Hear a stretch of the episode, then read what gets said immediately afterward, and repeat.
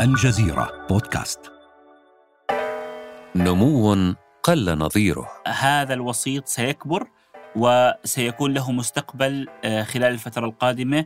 صفقات استحواذ بالملايين. دخلت مؤسسات كبيرة بدأت تشتري آه، بودكاستات موجودة وتدعمها بمئات الملايين. إنه وسيط جديد. حرر المستمعين وصانعي المحتوى من قيود كثيرة. عندي حرية مطلقة في أني أطرح مواضيع ومن غير أني أخاف أن في أحد يفرض سلطته علي.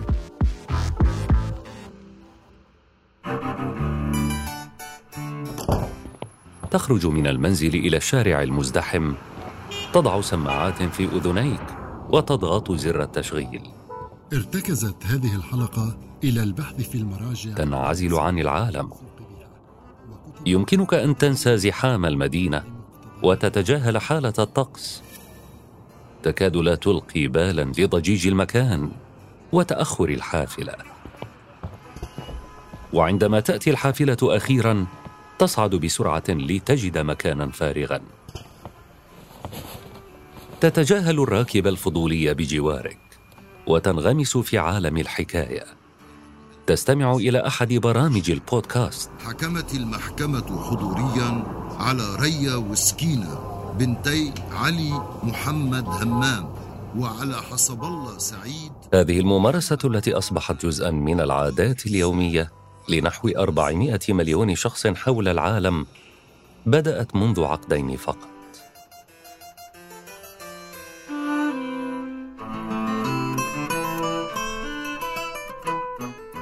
لعلكم لاحظتم أنني أعاني من بعض الزكام لكنني لم أستطع أن أفوت هذه المناسبة.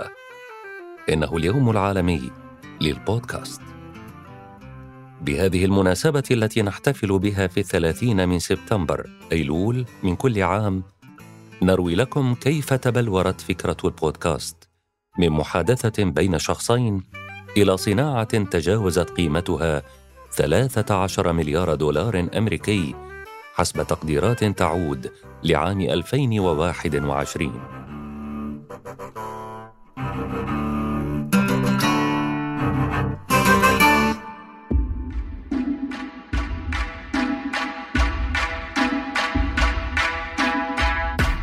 يا مرحبا بكم. أنا أحمد فاخوري وهذا بودكاست لحظة من الجزيرة.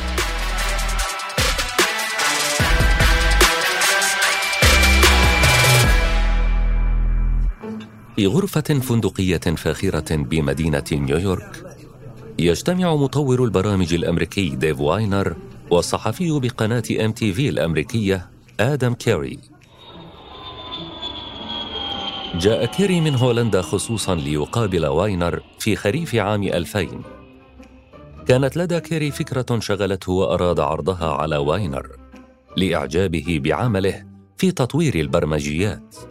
فواينر هو أحد المساهمين باختراع تقنية RSS اختصارا ل Really Simple Syndication وهي تقنية تواكب وتنشر آخر التحديثات من عدة مواقع إلكترونية دون الحاجة لزيارة هذه المواقع واستعراضها واحدا تلو الآخر. أما كيري فبجانب عمله في قناة MTV الترفيهية كان رائد أعمال وأراد الاستفادة من خبرة واينر التقنية لنشر ملفات الصوت الرقمية بطريقة تشبه المدونات.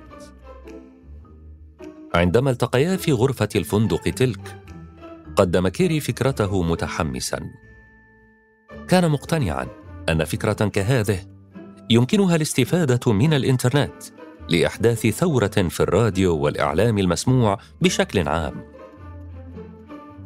استمع واينر ولم يفهم فعلا حديث كيري. أو لماذا يريد أي شخص القيام بذلك؟ ومع ذلك قرر أن يجرب.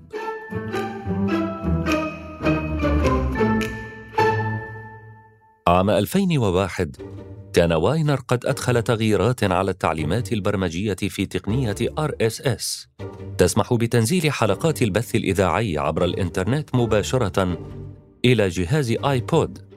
بالاستعانة ببرنامج ترميز اسمه iPodder كانت هذه أول محاولة لتخزين ملفات البث الإذاعي على مشغل صوت محمول كالآيبود الذي أنتجته شركة أبل في السنة ذاتها كوسيط تخزين وتشغيل المواد الصوتية. وهكذا دخل البودكاست عالمنا في العشرين من يناير كانون الثاني عام 2001 احتوت المدونة حينها على أغنية واحدة فقط U.S. Blues. بالكاد استمع لها أي شخص لكن بنشرها أصبح التدوين الصوتي عبر الإنترنت حقيقة. لم يحدث الكثير بعدها حتى حصل واينر على زمالة من جامعة هارفارد عام 2003 وهناك التقى الإعلامي الأمريكي كريستوفر لايدن. عمل الاثنان معا لتسجيل الحلقة الأولى من بودكاست Open Source.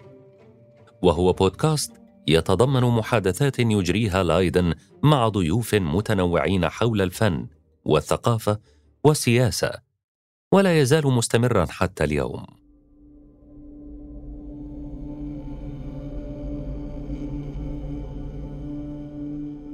يعتقد لايدن أن البودكاست ولد من اليأس الذي أحاط بغزو الولايات المتحدة للعراق خلال رئاسة جورج بوش الابن في عام 2003 فعندما تجاهلت وسائل الإعلام التقليدية الأصوات المناهضة للحرب كان التدوين الصوتي بديلا عن الإعلام التقليدي للأشخاص الذين أرادوا التعبير عن آرائهم بصوت عال. ربما تتساءلون وما الفرق بين الراديو والبودكاست؟ ولماذا اعتبر بديلا للإعلام التقليدي؟ يمكننا القول إن البودكاست هو التطور العصري للراديو باعتبار أن الاثنين من أشكال المحتوى الصوتي. لكن هناك فروقا عديدة في طبيعة المحتوى وطريقة عرضه ونشره. فأنتم تستمعون الآن لهذه المدونة بصوتي. أنا أحمد فاخوري عبر منصة إلكترونية حيث يمكنكم متابعة الحلقة في أي وقت من دون الحاجة إلى تقييد أنفسكم بمواعيد البرامج والحلقات كالراديو والتلفزيون التقليدي. كما أن البث الإذاعي عادة ما يغطي الأخبار والموضوعات الشائعة التي تهم الجمهور العام. بينما يمكنكم العثور على بودكاست يغطي بعمق أي موضوع يخطر ببالكم تقريبا؟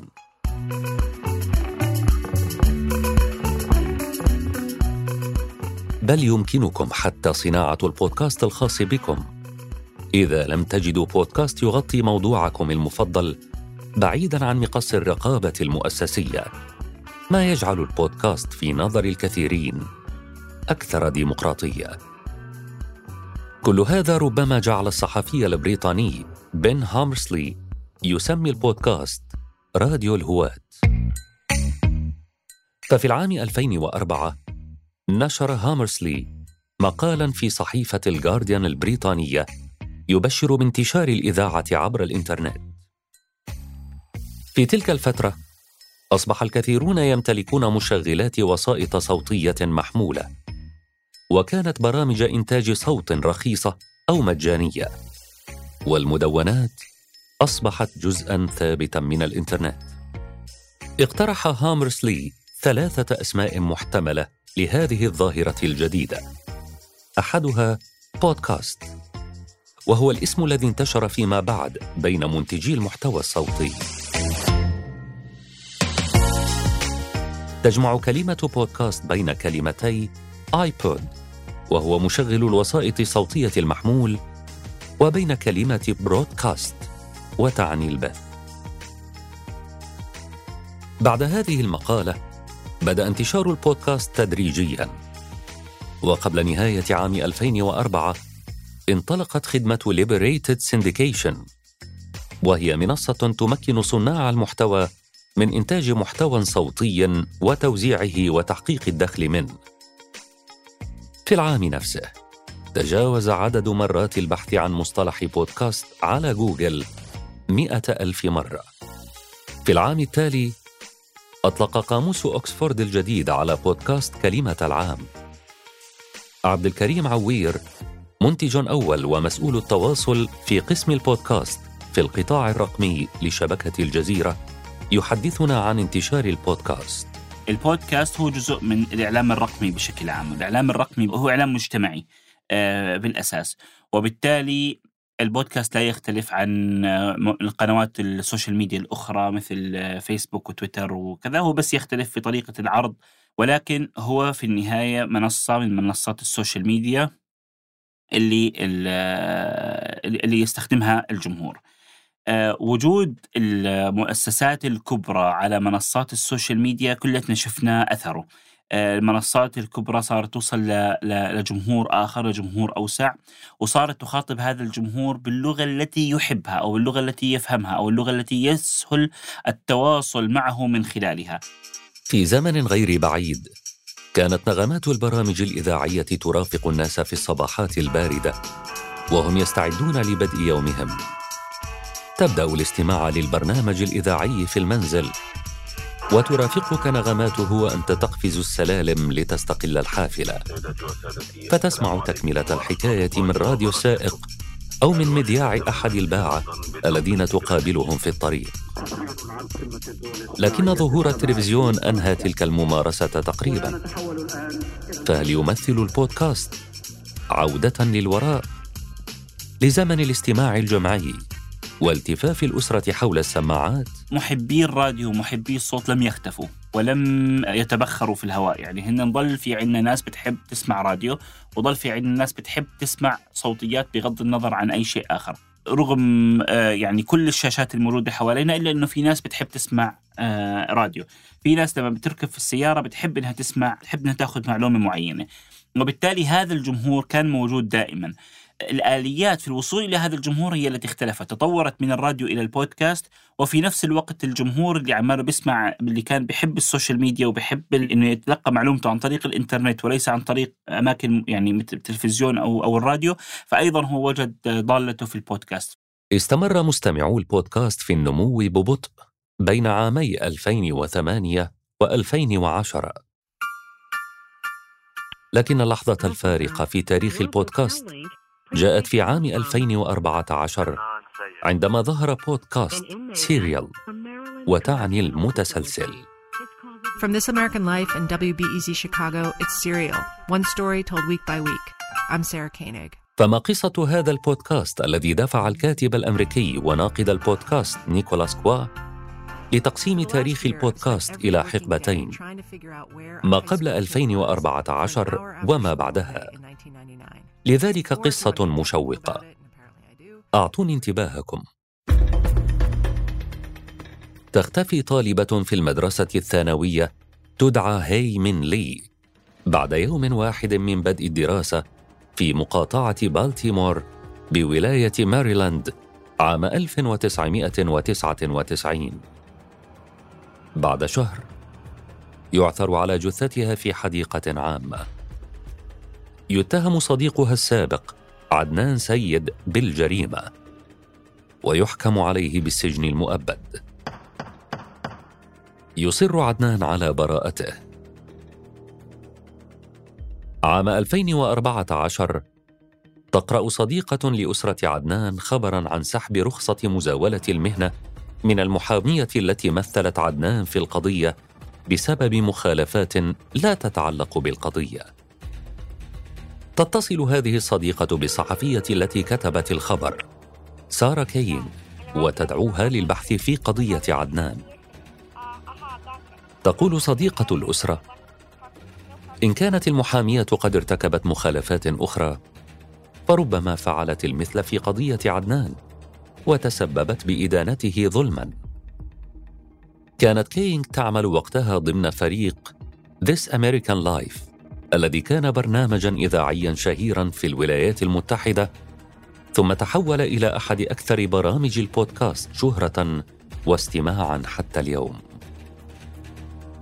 أرادت كينج القيام بأمر مختلف فبدلا من تناول مواضيع مختلفة في كل حلقة كما في برنامج This American Life. فكرت في صناعة تجربة تشبه الكتب المسموعة. موضوع واحد يتم تناوله بعمق على مدى عدة حلقات ومن زوايا مختلفة. تنطلق كايينغ في رحلة بحث طويلة. تتواصل مع عدنان تفرز الآلاف من الوثائق وتستمع إلى شهادات المحاكمة واستجوابات الشرطة. تتحدث مع كل من له صلة بالقضية. والنتيجة بودكاست Serial. أحد أشهر برامج البودكاست في الولايات المتحدة والبرنامج الذي قلب الموازين في عالم البودكاست بنظر الكثيرين. أصبح Serial أسرع بودكاست يحقق خمسة ملايين تنزيل وأحدث ثورة في صناعة البودكاست وفتح الأبواب أمام موجة جديدة من برامج البودكاست الشهيرة. بالمناسبة بعد 23 عاما من السجن أي في سبتمبر أيلول عام 2022 أسقط قاض في محكمة بولاية ميريلاند الأمريكية التهم الموجهة لعدنان سيد فنال الحرية. نسب البعض هذا الإنجاز إلى بودكاست Serial الاستقصائي بعد كشفه عن ثغرات في مجريات المحاكمة. International Podcast Day is September 30th, and you can help spread the word. You may be asking, في العام 2014 بدأ الاحتفال بيوم للبودكاست في الولايات المتحدة والذي أطلقه منتج البودكاست الأمريكي ستيف لي ضم الاحتفال تقديم ست ساعات من البث المباشر ولقاءات مع منتجي بودكاست أمريكيين ومنذ العام 2015 توسع الاحتفال مع انضمام عدد أكبر من صانعي البودكاست له وانتباه المؤسسات الإعلامية الكبرى للفكرة. وهكذا أصبح الثلاثون من سبتمبر يوما عالميا للبودكاست. ضمت الفعاليات الاحتفالية سنويا بثا مباشرا لمئات الساعات من اللقاءات مع صانعي البودكاست من عدة دول. في اليوم العالمي للبودكاست بحب أحكي إنه هذا التنافس على الوصول إلى الشباب العربي من خلال البودكاست آه، من مختلف المؤسسات الإعلامية بخلينا نشوف قديش هذا الوسيط مهم جدا وقديش هو عماله بيكبر. آه، يوميا هناك آه، منصات بودكاست جديدة في العالم العربي بعضها يستمر وبعضها يموت. ولكن هذه المحاولات الفردية وهذه المحاولات حتى المؤسساتية هي محاولات تدل على إنه هذا الوسيط سيكبر وسيكون له مستقبل خلال الفترة القادمة ولا يمكن أن تغفلوا أي مؤسسة إعلامية عربية اليوم. يعزو محللو الصناعة نمو شعبية البودكاست إلى العدد المتزايد من برامج البودكاست وزيادة مشاركة المشاهير والاستثمارات من شركات بث الموسيقى مثل سبوتيفاي. هذا بجانب الحرية الممنوحة للمستمعين في القدرة على اختيار وقت ومكان الاستماع إلى برامجهم المفضلة. ومثلما حرر البودكاست المستمعين من الزمان والمكان حرر صانعي المحتوى من الكثير من القيود. كما يتضح من تجربة محمد قاسم الاستشاري في مؤسسة الكويت للتقدم العلمي وصانع البودكاست العلمي Sciware وتعني مستودع العلوم في ال Sciware podcast أنا ما عندي حدود فيه لأن ما في عندي جهة معينة تحكمني. الجمهور أيضا حتى في هذه الأمور يعني في اختياري للمواضيع لا يحكمني، فعندي حرية مطلقة في إني أطرح مواضيع ومن غير إني أخاف إن في أحد يفرض سلطته علي ويقول لي لا لا تتكلم في هذا الموضوع مثلا. فأجد نفسي حر في إني أطرح المواضيع وأطرحها ب يعني بصرامة علمية وبدقة. ورغم الصعوبات التي شابت بدايات البودكاست في المنطقة تشير الإحصائيات لازدياد عدد صانعي البودكاست وجمهوره في العالم العربي اليوم. فبحلول عام 2019 استمع 1.3 مليون شخص في الإمارات وحدها للبودكاست بانتظام. بينما بلغ عدد المستمعين في السعودية 5.1 مليون شخص في 2020 أنا بديت البودكاست آه، تقريبا وحيد. الآن كثير من الناس خلاص صاروا يعرفون كلمة بودكاست وصارت آه، بالنسبة لهم عادية. حتى في الأيام الأولى كنت أقنع الناس مثلا حتى يسمعوا البودكاست فكنت يعني حتى بشكل فردي أحاول إني أوصل البودكاست للناس. بقدر الإمكان. فيعني إيصال البودكاست للناس كان أمر صعب جدا وطبعا غير إقناعهم بالاسم. بس حتى أيام ما كانت منتديات كنت أدخل عليها وأضع البودكاست هناك وأشوف إذا الناس تستمع للبودكاست ولا لا. يعني كانت عملية متعبة ومضنية صراحة في ذلك الوقت. الآن صارت الأمور أسهل بكثير. يرجع موقع البودكاست العربي بداية انتشار البودكاست عربيا أواخر 2008 مع ظهور مجتمعات التدوين والألعاب. ولكن في عام 2011 تراجع البودكاست في العالم العربي لصالح اليوتيوب ومواقع التواصل الاجتماعي. ويرى الموقع المخصص لأرشفة برامج البودكاست بالعربية أن محتوى البودكاست باللغة العربية افتقر إلى العمق والتنوع حتى عام 2015 عندما بدأت موجة البودكاست العربي الثانية مع شعور الكثيرين بالحاجة لوسيلة مستقلة ومفتوحة. انطلقت عندها العديد من برامج البودكاست الجديدة، واستطاعت بعض المنصات العربية الوصول إلى ملايين المستمعين مثل برنامج فنجان الحواري الذي تنتجه شركة ثمانية السعودية. وفي الفترة ذاتها انطلقت عدة مؤسسات عربية أخرى تنتج البودكاست كشركة صوت التي بدأت من العاصمة الأردنية عمان لإنتاج وتوزيع برامج صوتية باللغة العربية وشركة Kerning Cultures ومحتوايز وغيرها بدورها سعت المؤسسة الإعلامية الكبرى للحاق بالركب وإنشاء منصات وبرامج بودكاست خاصة بها. أطلقت الجزيرة البودكاست حتى توصل لجمهور جديد من الشباب. آه لم تكن تصل لهم من خلال آه من خلال الشاشة. آه هذا الجمهور يحتاج إلى معلومة آه عميقة. يحتاج إلى إلى معلومات أكثر من المعلومات التي تطرحها آه، مواقع التواصل الاجتماعي العادية على على الإنترنت اللي هي آه، فيديو في دقيقة أو فيديو في في في دقيقتين كنا محتاجين ندخل في عمق أكبر للمعلومات وبالتالي شفنا إنه في شريحة من الناس عمالها بتدور على هي المعلومة ورحنا أنتجنا لهم محتوى سمعي يتناسب مع طبيعة هذه الشريحة من الناس. ومع لجوء المزيد من المتابعين إلى المنصات الصوتية تجاوب محتوى البودكاست مع رغبات هذه الشريحة الجديدة من الجمهور باعتقادي انه الجمهور العربي مل أو أو هو يجد ما يكفيه من المواضيع السطحية والسريعة اللي بيلاقيها على الإنستغرام وعلى تيك توك وعلى غيرها وهو محتاج لحتى يقرأ أو لحتى يعرف معلومات أكثر في في مواضيع مختلفة. كل حلقة نتعب عليها في إنتاجها تحقق مستوى استماعات كبير جدا. آه لما بنحكي إنه content is the king محتوى هو المهم فما ننتجه ما نعطيه حقه حقيقة في البحث والإنتاج هو ما يجذب الجمهور بشكل أكبر وهو ما يجعل الجمهور يشارك الحلقات مع آه أشخاص آخرين. استخدم مقدمو البودكاست منصات التواصل الاجتماعي للتفاعل مع المشتركين. ونشأ حول كل بودكاست مجتمع صغير من المستمعين المتشابهين في التفكير. ولكن ما الذي يميز جمهور البودكاست عن جمهور الوسائط الأخرى؟ وما الذي يجعلهم يفضلون المحتوى الأكثر عمقا؟ تشير دراسة حديثة إلى أن جمهور البودكاست يختلف عن جمهور الوسائط الأخرى. فمستمعو البودكاست بوجه عام أقل انفعالية وأكثر انفتاحا وفضولا. كما لاحظ تقرير لشركة آبل في عام 2017 أن مستمعي البودكاست يستمعون إلى حوالي 90% من الحلقة.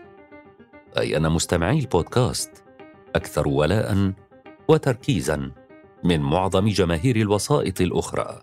الفرصة أن تستمعين أفكار كثيرة مع بعضها متسلسلة مترابطة هذه تخلي الإنسان ينزل من دفاعاته فيعطي الفرصة إنه يفكر بشكل سليم من غير ما يكون في صراع فأظن نفس الشيء بالنسبة للبودكاست البودكاست يعطي الفرصة للشخص إنه ينزل دفاعاته ويستمع لفكرة متسلسلة بدل من انه يقرأ تغريده تغريدة متقطعة بعيدة عن الأفكار وانسجامها مع قصة كاملة. فهنا الفكرة الكاملة تنزل الدفاعات، دفاعات الشخص فيستمع لها فتتركز الأفكار وينتبه للمعلومات وأعتقد انه تجعله أكثر وعي من غيره فبذلك آه، لا يتهجم لأنه آه أوكي الآن وجدت الإجابات للأسئلة اللي كانت في بالي اللي كنت ممكن أتهجم على الشخص فلا أتهجم عليه. جمع البودكاست بين حميمية الصوت الانساني وتفاعلية المدونة وسهولة تنزيل ملفات الصوت. وهذا يعني أنه رغم عدم وصوله إلى جمهور عريض مقارنة بالوسائط الأخرى إلا أنه يحقق تفاعلا أكثر بين الجمهور وصانع المحتوى في حلقات إحنا حقيقة ما كنا منتبهين أو برامج إحنا ما كنا منتبهين إنه هذه البرامج راح آه تحقق آه نجاح أو ما كنا متخيلين هذا هذا القدر من النجاح مثل حروب الأعمال على سبيل المثال. لكن اكتشفنا إنه الشباب فعليا مهتمين بحروب الأعمال وإنهم اشتغلوا على على على تسويقها. يعني اكتشفنا إنه في عدة آه قنوات يوتيوب حكت عن برنامج حروب الأعمال وهم الناس اللي اللي سعوا لترويجه. لاحظ تقرير آبل أيضا عددا قليلا نسبيا من مستمعي البودكاست يتخطون الإعلانات. ولم تكن الشركات الإعلامية الكبرى لتفوت هذه الفرصة للاستفادة من سوق جديده وهكذا انطلقت صفقات استحواذ بالملايين.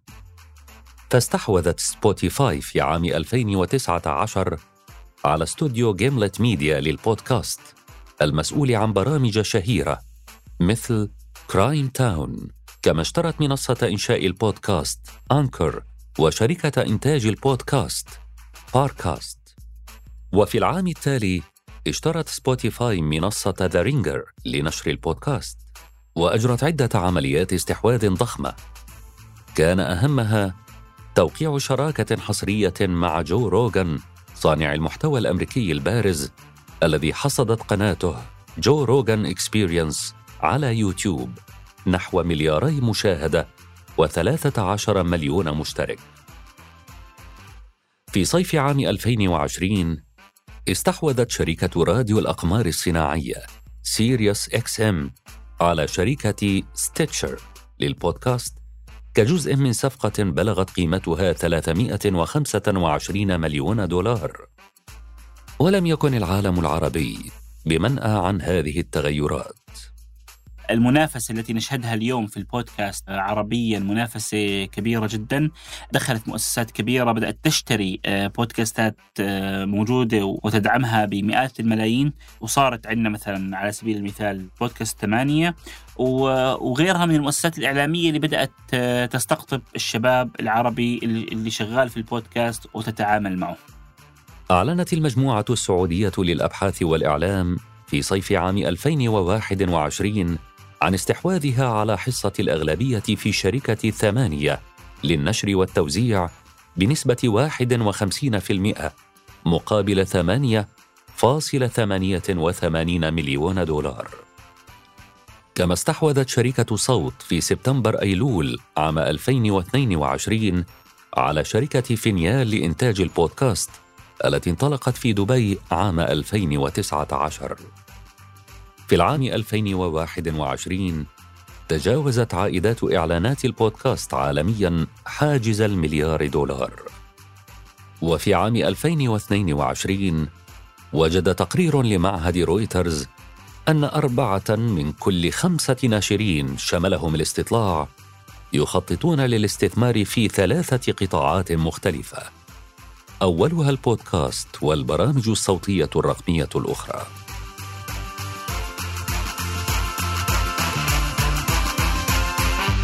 عربيا وعالميا مع شراء مزيد من الشركات الكبرى لبرامج بودكاست مستقلة بدأت تتبدد الصورة الوردية للوسيط الديمقراطي الجديد حيث يمكن للمبدعين المستقلين أن يجدوا صوتهم الخاص. وبدأ البودكاست يسير على خطى وسائل الإعلام الأخرى حيث الصفقات الحصرية والمزيد من اهتمام الشركات. تدريجيا ابتعد البودكاست عن الهوامش وبدأ ينضم إلى المناخ الإعلامي الترفيهي السائد كما يقول ناقد البودكاست نيكولاس كوا. اليوم تشير تقديرات إلى وجود أكثر من مليوني بودكاست ونحو 400 مليون مستمع في جميع أنحاء العالم. ومع تعدد المنصات وتوسع الجمهور أصبحت هناك حاجة لتنويع المحتوى.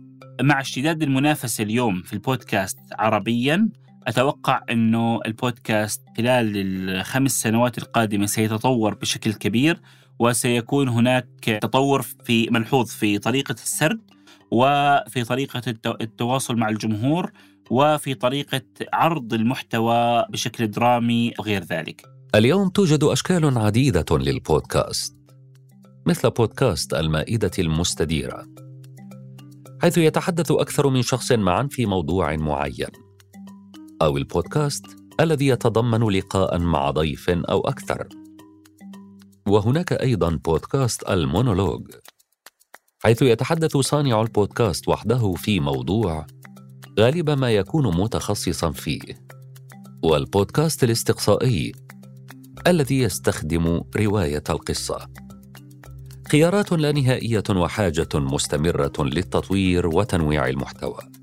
يعني أنا أستيقظ كل يوم في الصباح أستمع إلى ما لا يقل عن خمس حلقات بودكاست قبل أن أذهب إلى الدوام، كل يوم إنه أنا أول ما بصحى بفتح البودكاست وبقعد أسمع قبل ما وأنا رايح افرش أسناني وأعمل فطوري قبل ما أطلع على الشغل. فهذا هذا الاستماع الدائم وهذه المتابعة الدائمة بتعطينا رؤية لإيش المواضيع اللي عمالها بتتناقش حتى لا نكررها. ومنها بتعطينا آه، رؤية لإيش المواضيع اللي إحنا فعلا ممكن نقدم فيها شيء مختلف. هذا الاستماع للقنوات الأخرى أو البودكاستات الأخرى آه، تعطينا حافز يومي لحتى نتحرك بشكل بشكل مختلف دائما. وبالتالي هي محل فائدة حقيقية. واللي ما بيشوفوا المنافسين له يعني ما راح يقدر يتطور ما راح يقدر يعرف هو شو الدايركشن اللي هو ماشي فيه. ورغم أن أنجح وأقوى البرامج تستثمر بها كبرى المؤسسات الإعلامية يقول محمد قاسم إنه لا يزال هناك مجال للمحتوى المستقل. أنا أتمنى من الناس اللي حابة تبدأ بالبودكاست تبتدي من أي وقت يعني بسرعة. لا يخافون من المستوى والجودة لأن هذا يأتي مع تطوير الذات. فإذا إحنا في يوم عالمي للبودكاست خلونا هذه السنة إيه، نبدأ بودكاست جديد حتى السنة القادمة يكون عندنا أعداد أكبر من الناس يصنعون البودكاست. حقق البودكاست تحولا في النسق الإعلامي الذي ساد خلال العقود الأخيرة. وكانت السيطرة فيه للشاشات فنمت صناعة البودكاست بشكل قل نظيره. ومع سهولة الإنتاج والافتقار إلى قيود التحرير التقليديه حدث اتساع في كم المحتوى. وبينما نستمر في حياتنا اليومية أصبح البودكاست وسيلة مناسبة للكثيرين للحصول على المعلومات والاستمتاع بحكاية جيدة. وهذا ما يجذب المستمع بالنهاية. قصة محبوكة. يمكن أن تنسيك نفسك وعالمك وتغرقك في تفاصيلها. أنتم ما رأيكم؟ هل تتعاظم الهجرة من الشاشات إلى عالم البودكاست؟ أم يأفل نجمه قريبا لصالح وسيلة لم تظهر بعد؟ شاركونا آراءكم وتعليقاتكم.